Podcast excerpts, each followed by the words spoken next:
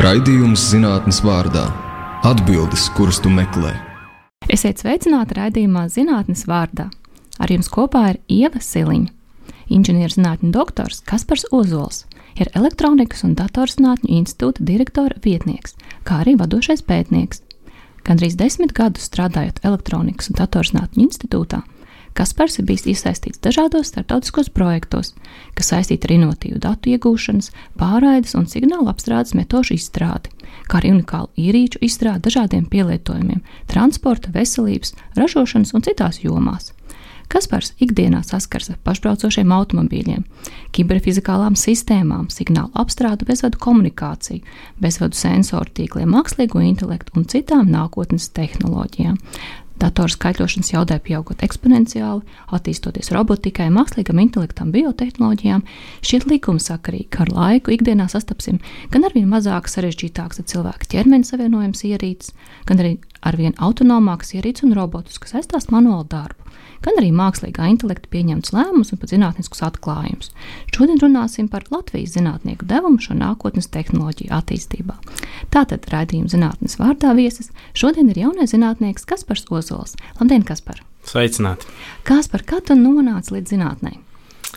Jā, tas viss droši vien sākās jau pamatskolas laikā, kad uh, man tēvs īstenībā ir uh, inženieris, kas uh, savā laikā un īstenībā vēl joprojām būvē viens no slavenākajiem pasaulē studiju mikrofoniem. Tajā laikā tie bija Blue mikrofoni, vēlāk tie tika pārsaukti par JZ mikrofons un Violet Design mikrofons. Un skatos, ka arī studijā viens no šādiem mikrofoniem ir. Tie ir um, ekskluzīvi uh, mikrofoni priekš studijām, priekš ierakstiem. To cenas ir no, man liekas, no 1000 līdz pat 10 000 eiro. Un tēvs kā galvenais uh, elektronikas uh, inženieris šajā kompānijā un, un arī ražotnes vadītājs savā laikā būvēt tos mikrofonus. Tad viņam arī tā interese bija liela par elektroniku un kā tas mēdz notikt starp dēla un tēva attiecībām. Tad, Sanāca redzēt, kā tēvs darbojas, to ieinteresēties par to. Un, un, un kaut kādā brīdī sapratu, ka um, mums uh, skolā trūkst kāds, kas varētu diskotēks likt, un tajā vecumā tas bija liels notikums. Līdz ar to tad, uh, runājos ar tēvu, un, un, un paldies viņam, ka viņš man ieinteresēja tik ļoti, un, un sākām domāt, kā to realizēt. Pirmā aparatūra, iepirkt pirmās skandas, iepirkt pastiprinātāji, paši būvējām pulti, paši arī lodējām. Tēvs palīdzēja ļoti daudz salodēt pastiprinātājus un tādas lietas, tieši lai diskotēkas likt, un tad, tad, tad arī viss sākās būtībā. Vairākas diskotēkas novadīja ieinteresēja tieši elektronika, viss tā ķimerēšanās ap to, tad jau sāk domāt, kā, ko varētu dzīvē darīt. Kad jau vidusskola bija, tad jau sāk domāt, nu, ko dzīvē varētu šajā virzienā darīt. Jā. Un tad faktiski elektronikas studiju programma likās tā likumsakarīga, vai ne? Jā, diezgan likumsakarīga. Es gan tajā laikā, kad pieteicos uz elektroniku, pieteicos arī uz telekomunikācijām, jo abas šīs nozares diezgan arī saistītas un interesantas likās tajā laikā, lai gan man jau pie pieteikšanās teica, ka, nu, ja es tikšu uh, uh, telekomunikācijās, tad es pilnīgi noteikti elektronikā tikšu, ka varbūt vajag otrādi, ka pirmo prioritāti likt telekomunikācijas, tad elektronika, bet es uzstāju, ka nē, tomēr elektronika un uh, jā tiku iekšā un, un sāku studēt. Bet kā tu nonāci elektronikas un datorzinātņu institūtā? Uh, tas bija universitātes uh, laikā. Uh, šķiet, jā, tā bija maģistratūra.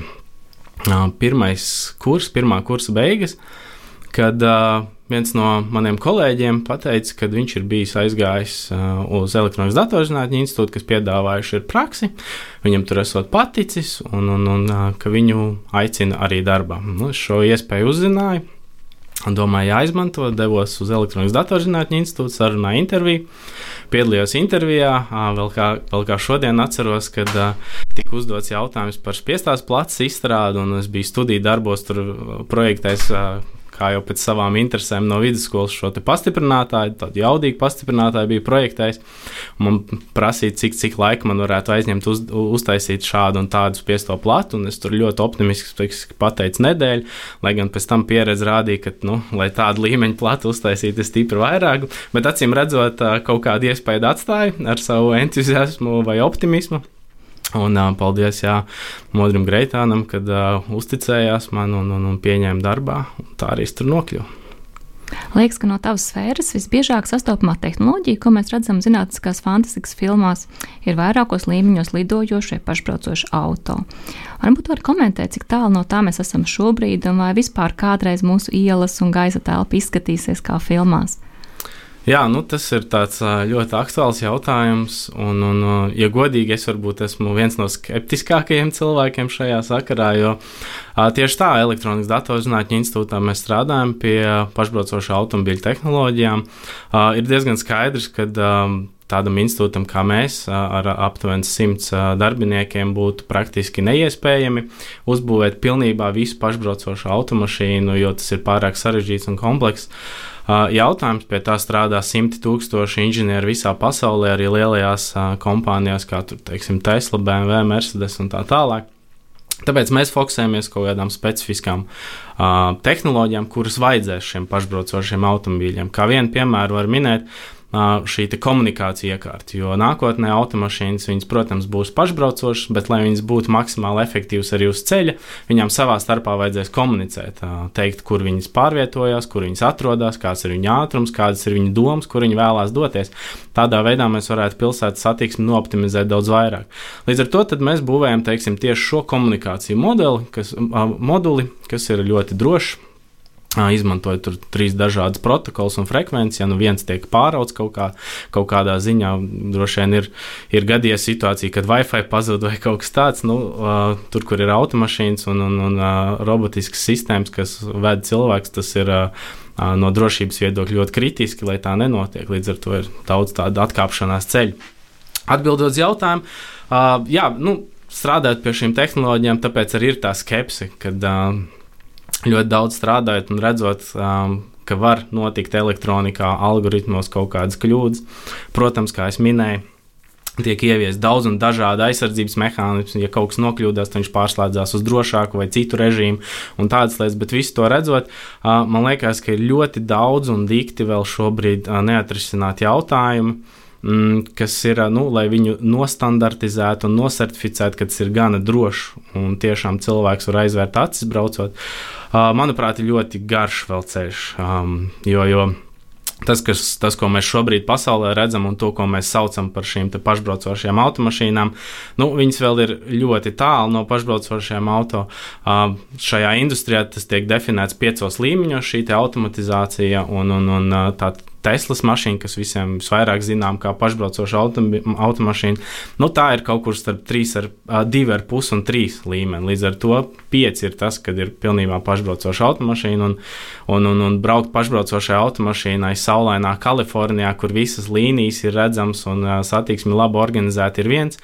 Braukt pie mums, teiksim, ziema, sāls, neredzam nevienu līniju šādam pašbraucošam auto tas ir pilnīgi cits un jauns izaicinājums. Un, lai to ieviestu tādā masveidā, tā adaptācija nu, aizņems ļoti daudz gadus, manuprāt. Nu, pat ja būdams skeptisks, bet optimistisks, es teiktu, nu, tuvākajos 10, 15 gados mēs vēl neredzēsim pilnīgi autonomas automašīnas, tādas, kas, nu, spēj tiešām savās mājās iekāpt un aizved, kur vajag. Protams, ir jau redzēts scenāriji, kur, teiksim, autobus kaut kādā noteiktā maršrutā, kur smuki visas līnijas redzams un ir nodefinēts, ka viņam jābrauc 20 km/h, viņam tur ir rentie aizsardzības mehānismi, jā, bet, lai viņš aizstātu pilnībā tādu transportu, kā mēs šobrīd saprotam ar pašbraucošu automašīnu, nu, tam vajadzēs daudz laika. Tad faktiski tas, ko tu saki, ka mēs lidojošās automašīnas kā filmās faktiski nepieredzēsim.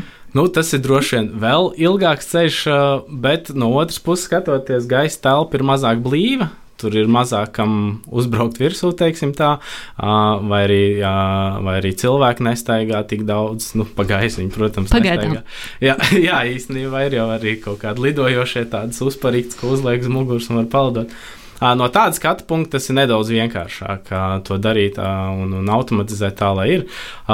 Ir, ir redzēts arī nu, pēdējos zinātniskajos rakstos un video, ir redzēts, ka jau parādās dronveidīgi šie lidojošie automobīļi, bet, protams, tas viss ir līdzīgi kā pašbraucošie auto tādā prototypa līmenī, tiek demonstrēts, ka tas varētu strādāt tā un šitā. Līdz ar to es domāju, tas būs noteikti vēl ilgāk. Īsnībā interesants fakts ir, ka avio industrija jau mēģināja to darīt, ka viņi vēlējās uztaisīt autopilotu, kas ne tikai kā šobrīd, teiksim, to to um, distanci, kad viņi ir pacēlusies pašā augšā un tad lido līdz kaut kādai vietai, līdz jānosēžās uh, autopilotā, ka to visu automatizēt, arī pacelšanos, nolaišanos, ko šobrīd vēl joprojām dara pilots, plus viņam, kā jau iepriekš minēju, vajadzīgi drošības mehānismi, ir arī otrs vēl pilots blakām, ja nu kaut kas notiek. Nu, to mēģināja automatizēt, mm, ka dators visu pacelšanos, nolaišanos uh, taisa un, un, un pēc dažiem ļoti dārgiem, neveiksmīgiem mēģinājumiem šī ideja tomēr tika atmesta un īsti neesmu dzirdējis, ka viņi tiktu apsvērti atkal atjaunot kaut ko tādu. Līdz ar to. Līdzīgi kā avio industrija ir, protams, vēl kritiskāka par auto industriju, bet auto industrija arī tomēr ir ļoti ar drošību saistīta. Līdz ar to nu, tie ir daudz gadi, kamēr tas aizies. Ar ko faktiski šis pašbraucošais auto atšķirās no tām automašīnām, ko mēs izmantojam šodien? Uh, nu, lielākā atšķirība, kad pašam droši vien nav jāstūrē, teiksim tā. Uh, bet, uh, No parastā auto viņš noteikti atšķirās to, ka viņam ir ļoti, ļoti daudz sensoru. Un savā ziņā, lai arī es esmu skeptisks, savā ziņā šādi sensori ir arī, šādiem sensoriem ir arī savs iegūms. Jo tā teiksim, ar mūsu atstiņām mēs redzam to, ko mēs redzam. Un mēs varam redzēt tik ātri, cik mēs ātri varam to redzēt. Nu, teiksim, cilvēka tāds vidējais reakcijas laiks ir 200 līdz 250 milisekundes, kad sensoram to var uztaisīt uz 1 milisekundi. Sensoram var uztaisīt, kad viņš redz naktī. Sensoram var uztaisīt, kad viņš nu, teiksim, ar kaut kādiem radara palīdzību var ļoti labi redzēt, kad ir ļoti lietains vai miglains laiks. Līdz ar to šie sensori, kas jau šobrīd īstenībā parādās automašīnās pie savu veidu automatizācijas, teiksim, automātiski bremzēji ir kāds šķērslis, jo sistēma redz to šķērsli daudz labāk. Kā cilvēks viņi var daudz ātrāk norēģēt, nemaz nerunājot par to, ka cilvēks aizskatās telefonā vai uh, pārslēdz radio, kas cik sekundes paiet, kamēr viņš pamana šķērsli. Līdz ar to, nu, ar ko atšķirās, noteikti ir šis sensoru daudzums, šie nenormāli daudzie algoritmi un, un, un sistēmas, kas nu, palīdz šobrīd pagaidām palīdz cilvēkam braukt, un nākotnē cerams, tad nomainīs cilvēku. Tad faktiski šīs tehnoloģijas iet uz priekšu, vienkārši pamazām viņas sākam tiks izmantotas vienkāršos automobīļos, un ar, ar tādu skatu nākotnē, ka šis automobīls varētu iztikt arī bez šīs cilvēku vadības. Nu, nu jā, tieši tā, un, un tas viss ir tāds iteratīvs un solis pa solim process. Un, un, un, un No sākuma pirmā automatizācija parasti jau uh, velk paralēlus ar šo ABS sistēmu, kad cilvēks teiksim, uz ledus nespēja nobremzēt tik labi, riteņi uzreiz sāk šļūkt, un, un ABS palīdz. Tā jau ir pirmā palīdzība, un tad tālāk jau parādās kruīza kontrols un, un distances ieturēšanas un, un, un bremzēšanas tā tālāk, un tā ejot uz priekšu pa maziem solīšiem. Nu, pēc daudziem gadiem es ceru, ka mēs nonāksim pie šī pašbraucoša auto, bet tas, um, tas process ļoti sarežģīts, jo šīs standardizācija organizācijas šo jautājumu, drošības jautājumu ļoti nopietni uztver. Un, un, un pirms tāds viens it kā šķietami mazs sensors tiek certificēts, ka viņš var tikt ielikts visās automašīnās. Nu, tur ir ļoti garš process gan, gan no pētniecības viedokļa, kamēr tādu izstrādā, gan arī no testēšanas, validēšanas, dažādi apstākļi vispārējais. Tas ir ļoti sarežģīti. Līdz ar to nu, tādu lielu lēcienu, kad šodien mēs braucam, stūrējam un nākamajā dienā jau guļam mašīnā, tā visdrīzāk nenotiks. Tas būs pa maziem solīšiem uz priekšu. Tad faktiski šie faktori, kas kavē pašbraucošo auto ienākšanu tirgu, ir diezgan daudz un dažādi. Vai ne? Gan certifikācija, gan izpēta, gan vēl kas cits. Jā, nu pārsvarā es teiktu, ka uh, tas ir. Uh, Īsnībā ir vairāk kavējošie faktori.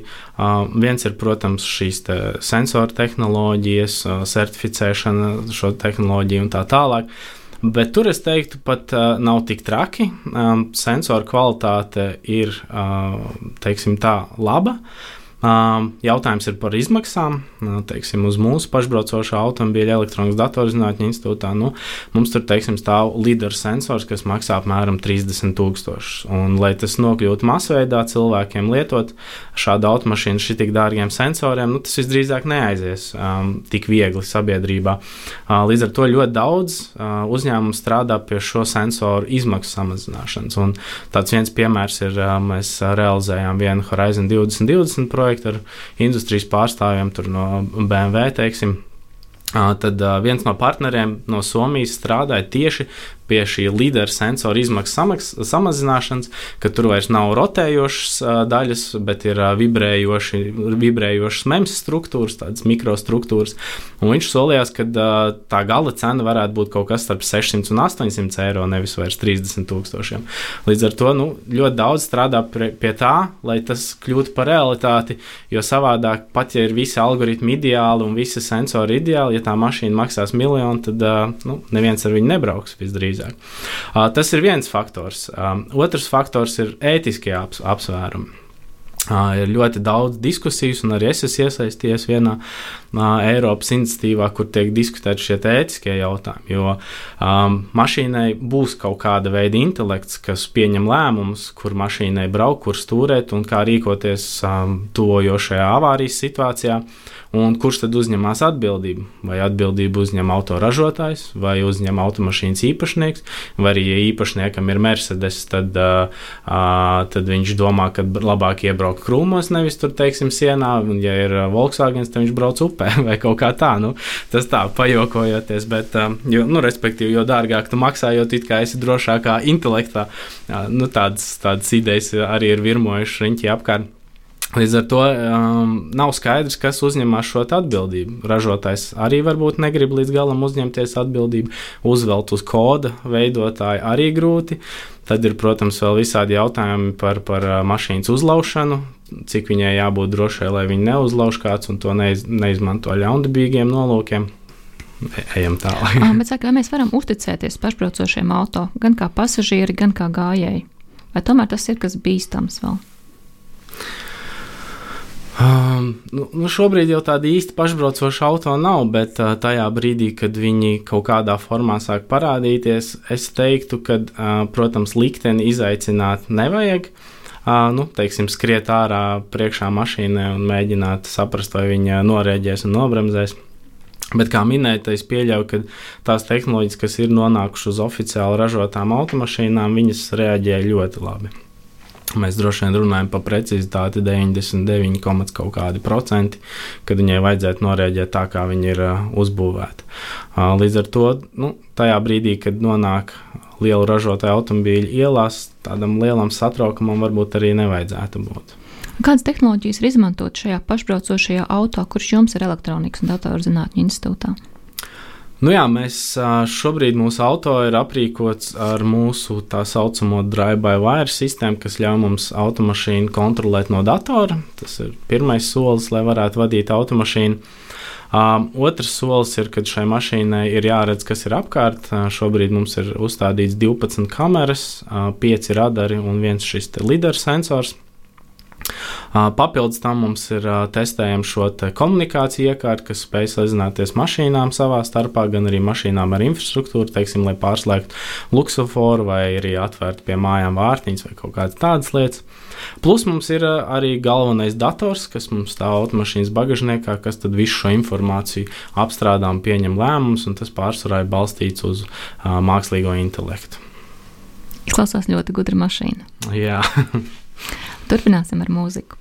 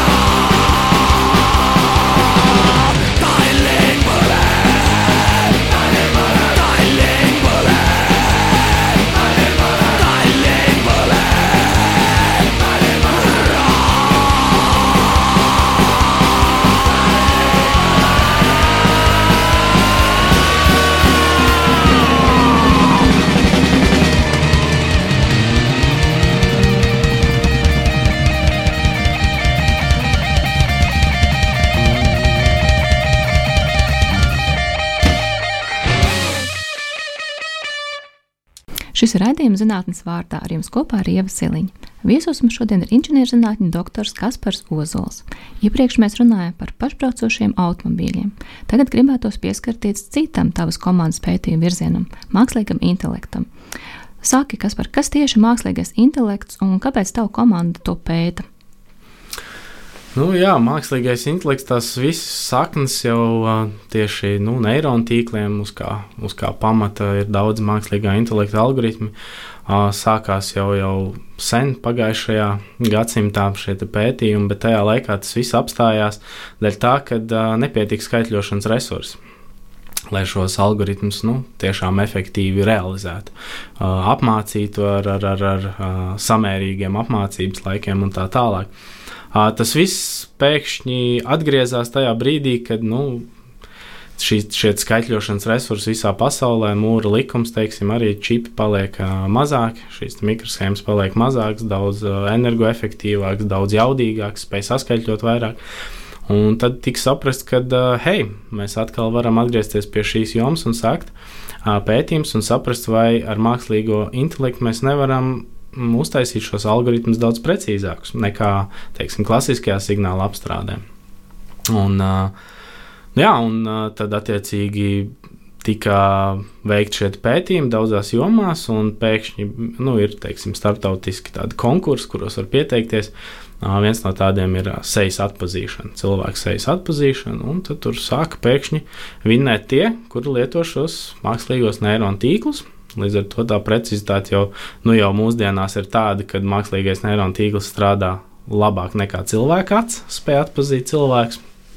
Tur, teiksim, Facebook bildītājs stāv grupiņa cilvēkiem, un cilvēkam tur redzam, viņš tur stāv kaut kur aizmugurē, un redzam tikai tur vienu acu, un tur Facebook pasaka, tas ir Jānis, un tu skaties, un tas ir Jānis vai nav. Un nevar saprast, bet algoritms pat tev jau daudz labāk saprot. Kas mums tagad ļoti noderētu, vai ne, kad visi maskās staigā? Jā, īsnībā tas bija tas piemērs te nesen Baltkrievijā kad uh, bija um, publicēti uh, šie Um, valsts pārstāvi, sargi vai policisti, kur nesāja kameras un bija uzlikts virsū šis neironu tīkla algoritms, un bija ļoti daudz cilvēku pēc acīm identificējuši un publicējuši vārdus uzvārdus. Tā kā tas ir ļoti spēcīgs rīks. Un, uh, līdz ar to, redzot, ka tas ir tik efektīvs daudz un dažādās jomās, arī mēs, Elektronikas datorzinātņu institūtā, sapratām, ka tas ir noteikti pētījuma vērts. Uh, to aizsāka uh, vairāki kolēģi. Uh, Bet nu, teiksim, tāds, tāds spēcīgākais, manuprāt, ir doktors Roberts Kadiņš, kas darbojas šajā jomā. Tas to aizsāk, un, un tagad jau arvien vairāk cilvēku to pēta, un, un īsnībā arī studenti arvien vairāk par to interesējas. Un līdz ar to tas viss ir aizplūsts daudz un dažādās nozarēs. Tas ir šie pašbraucošie automobīļi, vai tā ir digitālā, digitālā mm, robotika, teiksim, kur jau robotikā ir šie mākslīgie intelekti iekšā. Tā kā, nu, tas, tas tagad parādās daudz kur un visur. Tam noteikti ir potenciāls, un, un, un līdz ar to mēs sapratām, ka mums arī jāiedod savus ieguldījumus šajā, šajā jomā. Kā tev liekas, kas ir šīs lietas, kur mēs vēl redzēsim mākslīgo intelektu paralēli tam, kam ja mēs redzam šobrīd? Oh, ļoti labs jautājums. Kur vēl? Um, Es, es pat teiktu, ka viņš jau šobrīd ir gandrīz visur, bet uh, ne visur. es teiktu, ka šobrīd visvairāk kautrējās, uh, līdzīgi kā es iepriekš minēju, tajos pielietojumos, kas ir saistīti ar drošību. Uh, teiksim, atomu kodola stacijā neviens neliks visdrīzāk tuvākos simts gadus mākslīgo intelektu. Pie sarkanās pogas. Jā, jā. Uh, vai arī, nu jā, un uh, šajā avio industrijā vai automašīnās, no automašīnās jau sāk izmantot Jo nu jā, ir sarežģīts tas process ar tām atbildībām, kad cilvēkiem saprast, kurš ir atbildīgs tajā brīdī, kad mākslīgais intelekts pieņem tādu lēmumu. Šajā sakarā gan es varētu nokomentēt, ka uh, klasiskajiem signāla apstrādes vai attēlu apstrādes algoritmiem, ja kaut kas notiek nepareizi, mēs ļoti labi varam izsekot, kur notika nepareizi un kāpēc notika nepareizi. Jo tas viss ir analītiski uzbūvēts, saprotams, formula pēc formulas, kas saņemot tādu informāciju, reaģē tā, precīzi tā un tā tālāk. Līdz ar to ir vienkārši. Mākslīgais intelekts šobrīd ir tāda melnā kastīte. Mēs viņai pasakām, dari to, viņi to dara labāk nekā jebkurš cits algoritms, bet kāpēc viņi tā dara tik labi, īsti nezinu. Cilvēki eksperimentē ar arhitektūrām, tur mākslīgo neironu tīklu slāņiem un koeficientiem vēl uz kaut ko. Uh, bet kādēļ viņš pieņēma teiksim, tādu lēmumu, kad viņš kļūdījās, ir ļoti grūti skaidrot. Līdz ar to šobrīd ir parādījies tāds jauns un ļoti perspektīvs pētniecības virziens. Saucās latviešu laikam izskaidrojamais mākslīgais intelekts, angļuiski explainable AI kur tad cilvēki mēģina uzbūvēt tādu mākslīgo intelektu, kuram varētu uh, izsekot un saprast, kādēļ viņš pieņēma šādu lēmumu. Un tas iespējams pavērtu durvis daudzām šīm, te, šiem te pielietojumiem, kur drošība ir kritisks uh, aspekts. Ja mēs nezinām, kā tas darbojas, vai var gadīties, ka mākslīgais intelekts kļūst mums bīstams? Um, viņš. Mm, labs jautājums. Um, Es teiktu, ka šobrīd tie pielietojumi, kas mums ir, visdrīzāk viņš nevar kļūt bīstams. Um, Jo, jo, lai arī mēs nezinām, ko viņš dara sevī iekšā, viņš ir ļoti paredzams. Pirms mēs šo mākslīgo intelektu ieliekam kādā industriālā iekārtā vai pat uh, vienkāršā iekārtā, viņš tiek ļoti intensīvi pārbaudīts, testēts. Un mēs varam ar ļoti lielu varbūtību secināt, kā viņš reaģēs uz dažādām situācijām. Līdz ar to es teiktu, ka caurmērā, ja viņš strādā labāk nekā jebkurš iepriekš radītais algoritms, tad es domāju, ka mēs varam teikt, ka mēs varam uzticēties. Kā mākslīgais intelekts sadzīvo robotiku? Es teiktu, ka ļoti labi. Šobrīd uh, Ļoti daudz robotu tiek aprīkot ar šo mākslīgo intelektu, un, un uh, līdzīgs paralēls var, var vilkt arī robotikā, kad, kad bija kaut kādi klasiskie signāla apstrādes, attēla apstrādes algoritmi, tagad parādās šis mākslīgais intelekts.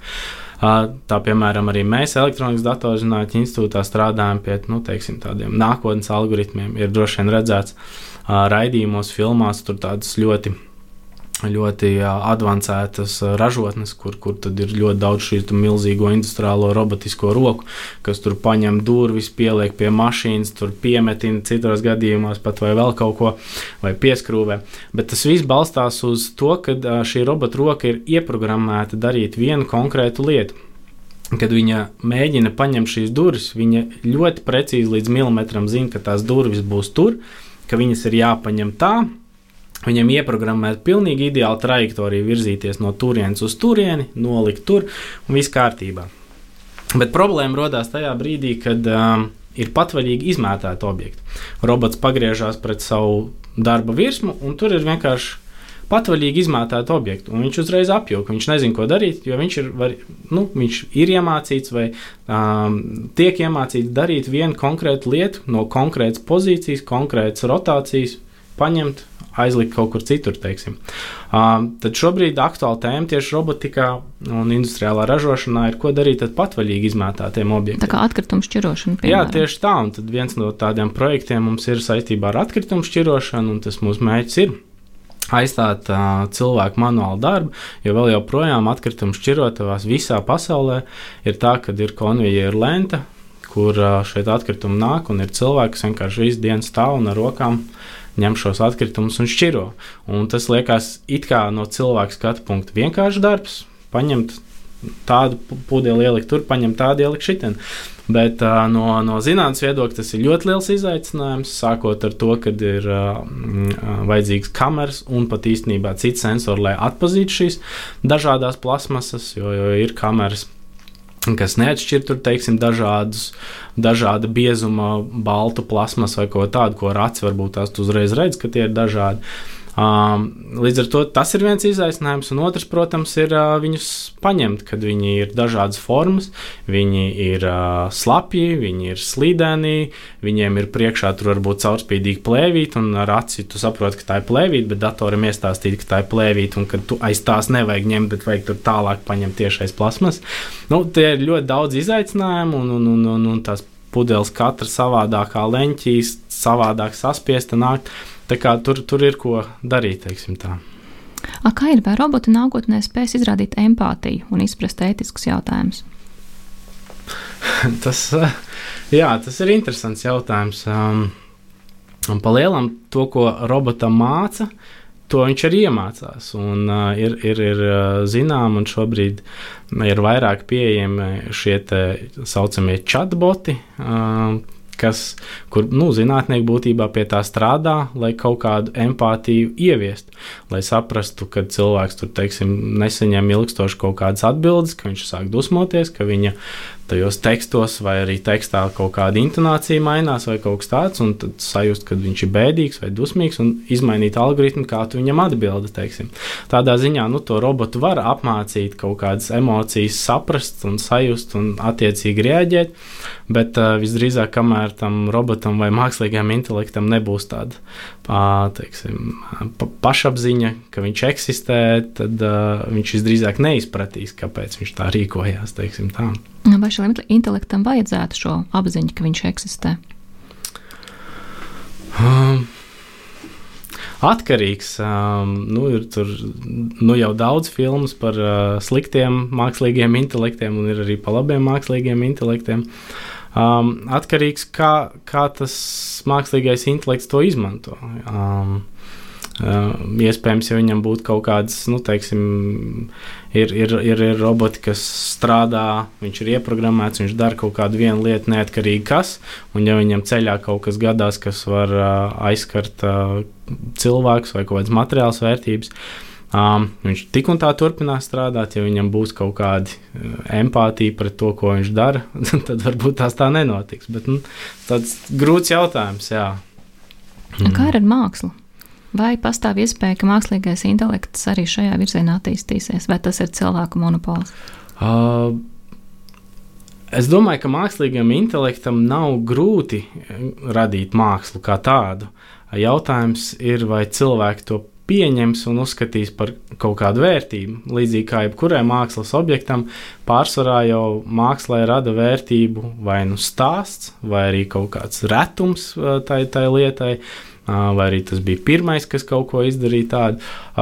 Pārsvarā cilvēki piešķir to vērtību kaut, kādai, kaut kādam mākslas objektam, vai viņi to piešķirs mākslīgā intelekta radītam, zinot, ka tur varbūt nav ielikta dvēsele vai kaut kas tāds, ka viņš vienkārši mehāniski kaut ko ir radījis. Grūti pateikt. Bet uh, variet um, ieiet YouTube un paklausīties. Uh, tas pats iepriekš minētais doktors Roberts Kadiņš ir mākslīgam intelektam um, iedevis apmācīties desmitiem tūkstošu grāmatu, un uh, viņš ir radījis dziesmu. Mākslīgais intelekts, un uh, šķiet, viņi varēja YouTube noklausīties, ko mākslīgais intelekts ir radījis. viņš ciet? Uh, jā, vai arī nē, viņš Viņš lasīja kā dzēju, varētu tā teikt. Kā tev liekas, vai robotika, mākslīgais intelekts ar laiku aizstās cilvēkus? Uh, tas jau šobrīd notiek. Jautājums, cik kād, kādā līmenī būtībā tiks aizstāts uh, cilvēks. Um, nu, mums ir bijušas četras industriālās revolūcijas, un katrā no šīm revolūcijām cilvēks. Cilvēka kaut kāda veida manuālais darbs tika aizstāts. Un, uh, labi, ka cilvēks ir tik elastīga būtne, uh, ka viņš māca ātri pielāgoties un atrast uh, jaunus darbus, jaunas profesijas īstenībā radās. Uh, pirms 20 gadiem, ja kādam pateiktu, kad eksistē tāda profesija, YouTuberis vai influenceris. Uh, Raustīt plecus, kas tas ir, bet šobrīd tas ir pat uh, īstenībā pelnošs pelnoš nozara. Līdz ar to, jā, es pilnīgi noteikti domāju, ka arvien vairāk tiks aizstāti cilvēku darbi, uh, bet cilvēki darīs teiksim, tā, interesantākas, radošākas lietas. Runā, kad nākotnē tādas spēcīgākās kompetences varētu būt tieši ideja ģenerēšana, komunicēšana spējas un tādas lietas, kad vairs nebūs jābūt kā agrāk. Nu, ja tu biji spēcīgākais un stiprākais, kas varēja saskaldīt akmeni, tad varēja visvairāk nopelnīt. Tad nu, laiki mainās. Jā. Kādas ir bijušas šīs četras um, revolūciju pakāpes? Man jāsāk atcerēties. Um, Mm, šķiet, pirmā bija mehānika. Es tagad no galas īstenībā neatcerēšos. Mehānika, pēc tam noteikti bija šie tvaika dzinēji, pēc tam elektrifikācija, ja nemaldos, kad elektrība parādījās. Un tagad ir šī, šī viss, kas tagad notiek. Komunikācija lietas, ka sistēmas komunicē, spēj saprast savu stāvokli, vai viņas ir nolietojušās vai nav nolietojušās, spēj par to paziņot laicīgi, pieņemt lēmumus un tā tālāk. Brīnišķīgi. Laiks dziesmai.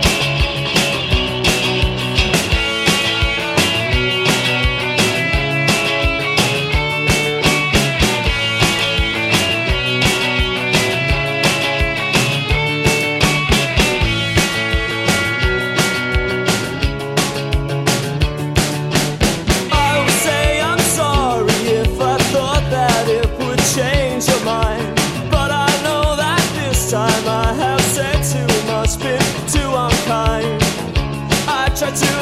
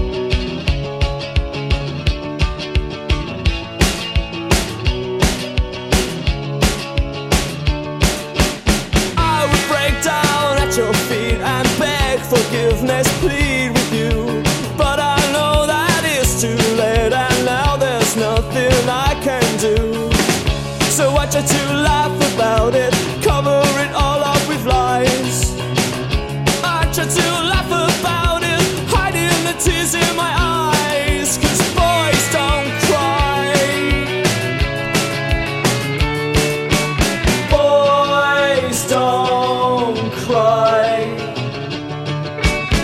I would tell you that I loved you if I thought that you would stay. But I know that it's no use that you've already gone away. Misjudged your living, I pushed you too far. I took it for granted, I thought that you needed.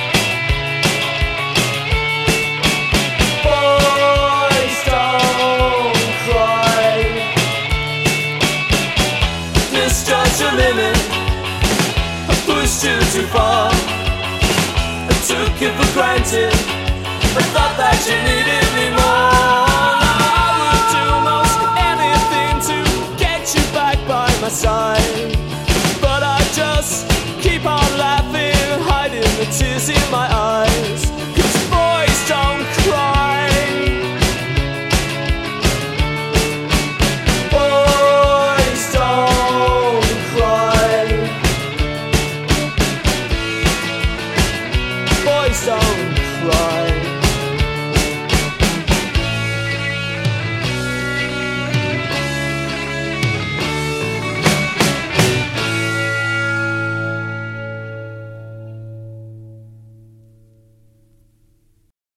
Šis ir raidījums zinātnes vārdā. Ar jums kopā ir Ieva Siliņa. Viesos mums šodien ir inženierzinātņu doktors Kaspars Ozols. Iepriekš mēs runājām par mākslīgo intelektu. Tagad gribētu dzirdēt, kā mums tepat Latvijā sokas ar digitālo inovāciju ieviešanu. Paskaidro, kas par lūdzu, kas tieši ir industrijas digitalizācija. Nu, jā, tas ir kaut kas, kad um, uzņēmums kaut ko ražo, kā piemēru varētu dot. Bet uh, viņš to dara pārsvarā ar manuālu darbu. Un, teiksim, ja tas ir uh, kaut kāda šūšana, Šūju maskas. Šūju maskas, jā. Cilvēks ar roku šūju maskas, jā, viņu pats ar rokām iesaiņo un tā tālāk. Um, To visu ir iespējams automatizēt, robotizēt, digitalizēt, optimizēt, saucam, kā gribam, uh, bet noteikti padarīt efektīvāku. Uh, tie pirmie soļi, ko parasti uzņēmums spēr digitalizācijā, tas ir, un īstenībā tas man bija liels pārsteigums, um, uztais mājaslapu. Uh, kad uh, ir tāda kompānija, kas dara to un to, jo izrādās Eiropā, es tagad neatcerēšos skaļus no galvas, bet man liekas, ka kaut kādi 60% mazie video uzņēmumi bija bez mājaslapām. Līdz ar to nu, tas tāds jau pirmais solis, lai sasniegtu efektīvāku biznesu. Un tad nākamais solis, protams, ja mēs runājam par ražojošu uzņēmumu, tad domāt, kā dažādas procesus optimizēt. Un, uh, protams, varbūt tās uzreiz nav jāmetās uh, pirkt robotisks, milzīgs rokas mākslīga intelekta, kas ir dārgi, bet, teiksim, ir kaut kāda industriāla iekārtiņa, kas visu laiku kaut ko, teiksim, nu, konjeri ir lenta, kas visu laiku griežās, un tajā brīdī, kad tev gultnes sabirst, tad tev apstājās viss ražošanas process, tev ir zaudējumi, jo ražošanas līnija nestrādā, darbiniekiem jāiet mājās. Tālāk tu zvani apkalpotājam šīs iekārtas, saka, ka tev saplīs gultnis. Viņš saka, ka man ir rinda uz priekšu veselu mēnesi, un es nevarēšu atbraukt tagad tās tieši nomainīt, un lai domā kaut ko citu, un tā tālāk. Tāpat vietā var uzlikt vienkārši vienu mazu sensoru uz šī gultņa, kas to vien dara visu dienu, kā klausās, kā gultnis strādā. Līdz ko parādās kaut kādas mazākās vibrācijas vai nepareizās skaņas, viņš jau aizsūta īpašniekam ziņu, ka gultnis izskatās, ka tuvāko trīs mēnešu laikā būs jāmaina. Līdz ar to tad, uh, ražotnes vadītājs var ieplānot servisu, sarunāt, kad nu, svētdienā, kad ražošanas ķēde tiek apturēta, vai arī citās industriālās vietās, kuras es biju Eiropā, tad viņi tur teiksim, aptur tikai uz vienu nedēļu, visa gada laikā. Ir arī tādas situācijas. Bet tad ir labi zināt, kas un ko ir jānomaina, kas, lai tas varētu funkcionēt atkal kaut kādu laiku. Nu, tā ir sava veida digitalizācija. Atrast dažādus sensorus, mehānismus, digitālus rīkus, kas palīdz optimizēt, efektivizēt uh, biznesu. Faktiski, lai būtu ražošana būtu lētāka, neapstātos. Tieši tā, nu, šobrīd Eiropā cilvēku darba spēks ir viens no dārgākajiem, kas var būt. Un, protams, cilvēki galvenokārt domā, kā aizstāt cilvēku. tur arī nāk palīdzīgā dažādas industriālās iekārtas, tā skaitā arī roboti. Um, un, un, un, uh, bet, protams, bez cilvēka aizstāšanas daudz un citi mehānismi un veidi, kā nooptimizēt biznesu, padarīt ražošanu lētāku un līdz ar to padarīt savu uzņēmumu konkurētspējīgāku ne tikai Latvijā, bet visā pasaulē. Kā mums Latvijā sokās ar šo procesu? Es teiktu, ka ne visai labi varbūt tās, bet tas vairāk vai mazāk saistīts uh, ar to, nu, praktiski ar ko visa Eiropā saistās. Uh, lielie uzņēmumi, kas ir, tie ir pārsvarā labi digitalizēti, jo viņiem ir šie finanšu resursi, lai attīstītos, uzlabotu dažādas lietas un tā tālāk. Bet uh, visā Eiropā 99,6, ja nemaldos, ir uh, mazie vidēji uzņēmumi. Un maziem vidējiem uzņēmumiem atrast lielus finanšu līdzekļus, lai digitalizētos, ir salīdzinoši sarežģīta. Tā situācija Latvijā jau ir tieši tāda pati. Un, un, un pētniecība ir teiksim, tā dārgs process. Kā jau minēju, cilvēku resursi arī Latvijā ir salīdzinoši dārgs. Un ne visi uzņēmumi to var atļauties. Tas, ko viņi varbūt tās dara, viņi gaida, kad parādās kaut kādi gatavi rīki, iekārtas, ko viņi var uzreiz nopirkt un lietot bet bieži vien tie procesi ir tik ļoti specifiski tai vienai konkrētai kompānijai, ka tev ir jārada kaut kāds jauna pieeja, jauns algoritms, kas ir ļoti pielāgots tieši tavai ražošanas ķēdē. Un tas uzreiz ir milzīgs izmaksas. Līdz ar to Latvijas uzņēmēji nu, kautrējās uh, iesaistīties tādās lietās, pie tam zinot to, kad uh, iespējams tas nevienmēr strādās, jo pētniecībā ir arī sava riska komponenta kad nu, adaptējot visu un darot pēc labākās sirdsapziņas visu labāko, var gadīties, ka tas nestrādā tajā līmenī vai tajā kvalitātē, kā ir sagaidījis klients. Kas un kā var palīdzēt digitalizēties uzņēmumiem? Nu jā, šobrīd uh, Eiropas komisija un Eiropa kopumā ir uh, sākusi tādu iniciatīvu saistībā ar digitāliem inovāciju centriem. Un, uh, viņi ir palaiduši vairākus pilotu projektus pa Eiropu caur apvārsnes 2020 programmu, kur arī uh, mēs Edī esam ieguvuši divus šādus projektus. Un, bet uh, neskatoties to, tiek uh, palaista arī tādā nacionālā, Eiropas un arī nacionālā līmenī šie digitāli inovāciju centri. Un, un šobrīd uh, Latvija izvērtē Latvijas pieteikumus, kur tālāk tiks virzīts uz Eiropu apstiprināšanai, un tad Latvijā taps vēl vismaz divi uh, digitāli inovāciju centri. Un, uh, digitālais inovāciju centrs būtībā ir veids, kā no zinātnes pārnest uh, šīs zināšanas un tehnoloģiju uz uzņēmējiem. Tā ideja ir tāda, ka, kā jau minēju, uzņēmums baidās uh, investēt pētniecībā vai pat iegādāties kaut kādas tehnoloģijas, jo viņš nav simtprocentīgi drošs, ka tas strādās tā, kā viņam gribās. Un tad šo digitālo inovāciju centru uzdevums būtībā no angļuiski viņš saucās Test Before Buy. Teiksim, vai kaut kā tā. Uh, pirms tu reāli iegādājies iekārtu, tev ir iespēja aiziet uz šo digitālo inovāciju centru un reāli viņu notestēt, pārbaudīt, uzstādīt uz savus ražošanas ķēdes un paskatīties, tas strādā vai nestrādā.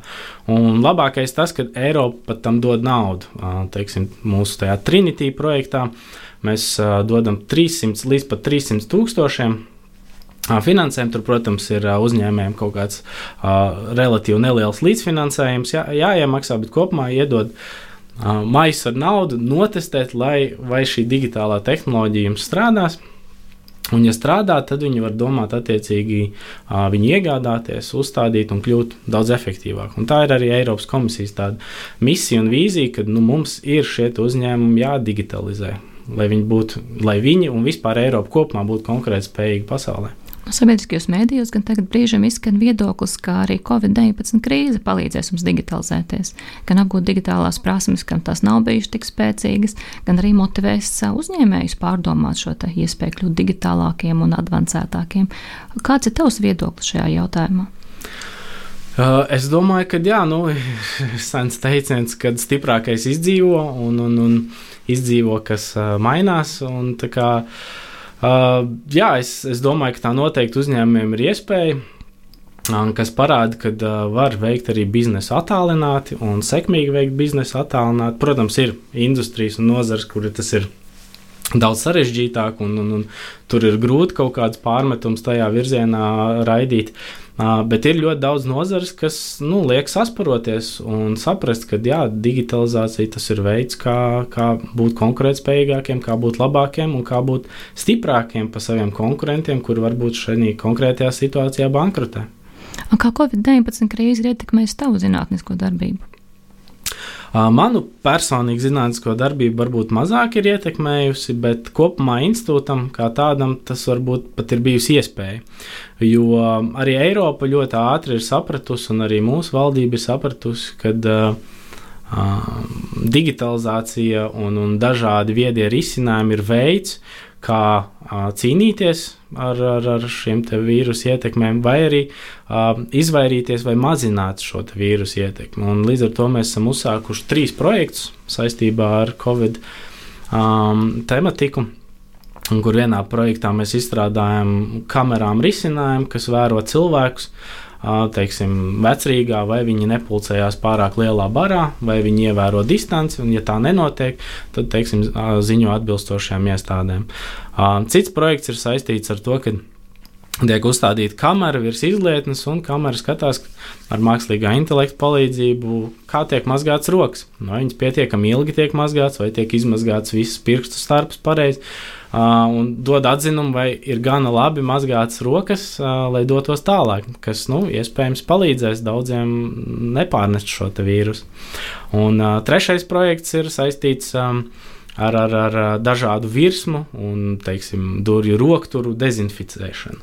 Kad ir teiksim, robotiņš, kur izstrādā mūsu partneri, Un tad uh, mums ir attēlu apstrādes algoritmi, kas spēj atzīt šo rokturu, kur ir jāpiebrauc, kur ir jānodezinficē, jānotīra, lai tā virsma būtu tīra. Tā kā nav uh, vienmēr viss slikti, kat, katrā sliktajā lietā ir arī savas iespējas, kuras vienkārši jāievēro, jāizmanto.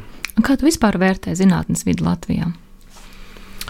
Uh, zinātnes vidi Latvijā mums ir uh, ļoti daudz spēcīgu zinātnieku, pilnīgi noteikti, un, un, un tā atdeve.